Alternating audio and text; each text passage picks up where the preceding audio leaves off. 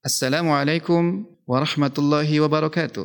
Bismillahirrahmanirrahim. Alhamdulillah wassalatu wassalamu ala Rasulillah wa ala alihi wa ashabihi wa man tabi'ahum bi ihsanin ila yaumiddin. Amma ba'du. Kaum muslimin yang semoga dirahmati oleh Allah Subhanahu wa taala, pada kesempatan kali ini insyaallah saya akan melanjutkan kembali kisah tentang sejarah hidup dan perjuangan Rasulullah sallallahu alaihi wasallam yang disarikan dari kitab Ar-Rahiqul Makhtum yang ditulis oleh Syekh Sofiyur Rahman Mubarak Furi. Pada kesempatan sebelumnya, saya telah menjelaskan atau mengisahkan tentang keadaan bangsa Arab sebelum diutusnya Rasulullah wasallam dan juga telah mengisahkan tentang kelahiran serta masa pertumbuhan Rasulullah wasallam. Pada kesempatan kali ini, insya-Allah saya akan menjelaskan kisah tentang wahyu pertama dan pengangkatan Rasulullah sallallahu alaihi wasallam.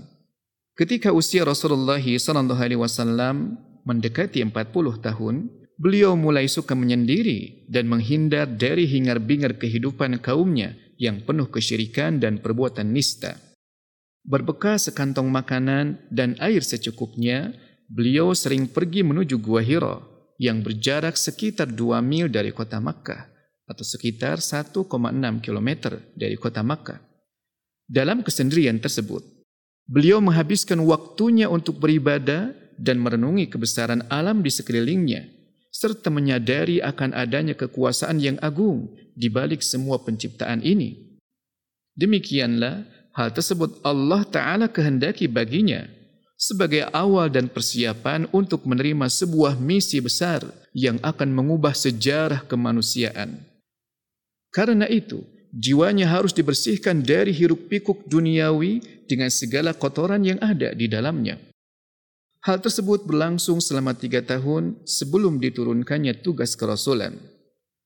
Setelah sekian lama, beliau melakukan khulwa atau menyendiri membersihkan jiwanya dengan memperhatikan besarnya kekuasaan di balik kebesaran alam ini, maka Allah memberikan kemuliaan dengan mengangkatnya sebagai seorang Rasul sekaligus penutup dari para Nabi dan Rasul. Peristiwa ini terjadi pada hari Senin, tanggal 21 Ramadan, tepat saat beliau berusia 40 tahun dalam hitungan Hijriah. Dan sejak saat itulah tahun kenabian dihitung. Kejadiannya ditandai dengan hadirnya Jibril alaihi salam yang datang kepadanya dengan memeluknya sebanyak tiga kali. Setiap kali memeluknya, dia berkata, bacalah. Setiap kali itu pula Rasulullah sallallahu alaihi wasallam menjawab, saya tidak dapat membaca. Rasulullah sallallahu alaihi wasallam sangat keletihan sekali. Takut dan panik menghantui dirinya. Setelah itu, Jibril alaihi salam membacakan, Iqra bismi rabbikal ladzi khalaq. Bacalah dengan menyebut nama Tuhanmu yang menciptakan. Khalaqal insana min 'alaq. Dia telah menciptakan manusia dari segumpal darah. Iqra wa rabbukal akram. Bacalah dan Tuhanmu lah yang Maha Pemurah. Alladzi 'allama bil qalam yang mengajar manusia dengan perantara pena. Allamal insana ma lam ya'lam. Dia mengajarkan kepada manusia apa yang tidak diketahuinya. Ini adalah surat Al-Alaq ayat 1 sampai 5. Kemudian Jibril pergi meninggalkannya. Rasulullah SAW kembali ke rumahnya dengan badan gemetar. Beliau khawatir bahawa apa yang baru saja dialami akan mencelakakannya. Kemudian beliau masuk menemui Khadijah seraya berkata, selimuti aku selimuti aku. Khadijah segera menyelimutinya. Hilanglah ketakutan dari diri Rasulullah sallallahu alaihi wasallam. Kemudian beliau menceritakan kepada istrinya yang setia apa yang terjadi di Gua Hira. Saya khawatir akan terjadi sesuatu pada diri saya, ujar Rasulullah sallallahu alaihi wasallam. Khadijah segera menenangkan dan menghibur suaminya seraya berujar, "Kalla, sama sekali tidak.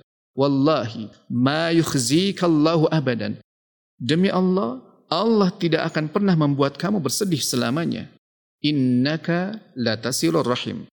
Karena sesungguhnya engkau adalah orang yang menyambung tali kekerabatan. Wa tahmilul kalla. Engkau adalah orang yang membantu orang-orang yang lemah. wa taksibul ma'dum dan engkau membantu orang-orang yang tidak memiliki wa tuqrid dhaifa dan engkau memuliakan tamu wa tu'inu ala nawaibil haqqi dan engkau suka menolong di dalam kebaikan kemudian Khadijah bersama Rasulullah sallallahu alaihi wasallam pergi menemui Waraqah bin Naufal Waraqah bin Naufal adalah putra dari pamannya Khadijah. Dia adalah orang yang banyak mengetahui isi kitab Taurat dan Injil. Orang yang sudah renta lagi buta. Rasulullah SAW menceritakan apa yang terjadi. Mendengar hal tersebut, Warokoh tampak gembira. Itu adalah malaikat Jibril yang Allah turunkan kepada Nabi Musa. Engkaulah Nabi umat ini. Ah, sayang sekali. Seandainya saja aku masih hidup saat engkau diusir oleh kaummu. Apakah mereka akan mengusir aku? Kata Rasulullah. Ya, tidak ada seorang pun yang membawa seperti apa yang kamu bawa kecuali dia akan dimusuhi. Seandainya aku mengalami saat hal itu terjadi, aku akan membelamu sungguh-sungguh, kata Warokoh. Namun ternyata Warokoh meninggal dunia ketika wahyu sempat terputus beberapa lama setelah wahyu pertama. Setelah turun wahyu pertama, beberapa hari lamanya tidak turun lagi wahyu berikutnya. Hal tersebut membuat Rasulullah SAW gelisah dan bersedih dan beliau terus menanti wahyu berikutnya diturunkan. Sebenarnya hal ini merupakan kesempatan baginya, yaitu bagi Rasulullah SAW untuk menenangkan diri agar beliau sadar dengan apa yang dialami pada kali pertama menerima wahyu dan untuk meyakini bahwa beliau kini telah menjadi seorang utusan Allah Ta'ala. Hingga kemudian suatu hari, ketika beliau sedang berjalan, tiba-tiba terdengar suara dari langit. Ketika beliau mencari sumber suara tersebut, beliau menyaksikan malaikat yang mendatanginya di Gua Hira sedang duduk di kursi antara langit dan bumi. Beliau kembali merasakan ketakutan yang luar biasa hingga terjatuh di tanah. Kemudian beliau segera pulang menemui istrinya Khadijah seraya berucap, "Selimuti aku, selimuti aku." Kemudian Khadijah menyelimutinya. Pada saat itulah wahyu kedua diturunkan oleh Allah Subhanahu wa taala yaitu surat Al-Muddathir ayat 1 sampai 7. Ya ayyuhal muddathir, hai orang yang berselimut, kum fa'anzir, bangunlah lalu berilah peringatan. Wa rabbaka fakabbir, dan Tuhanmu agungkanlah. Wa thiyabaka fatahhir, dan pakaianmu bersihkanlah. Wa rujza fahjur, dan perbuatan dosa menyembah berhala tinggalkanlah. Wa la tamnu tastakthir, dan janganlah kamu memberi dengan maksud memperoleh balasan yang lebih banyak. Wali rabbika fasbir dan untuk memenuhi perintah Tuhanmu bersabarlah. Dengan diturunkannya ayat ini, maka tugas Rasulullah sallallahu alaihi wasallam semakin jelas, yaitu untuk menyeru umatnya agar mengagungkan Allah taala dengan beribadah serta tunduk pada segala perintah dan ajarannya. Sejak saat itu turunlah wahyu-wahyu berikutnya menandai dimulainya sebuah perjuangan jihad tanpa henti untuk mendakwahkan serta menegakkan agama Allah di muka bumi ini.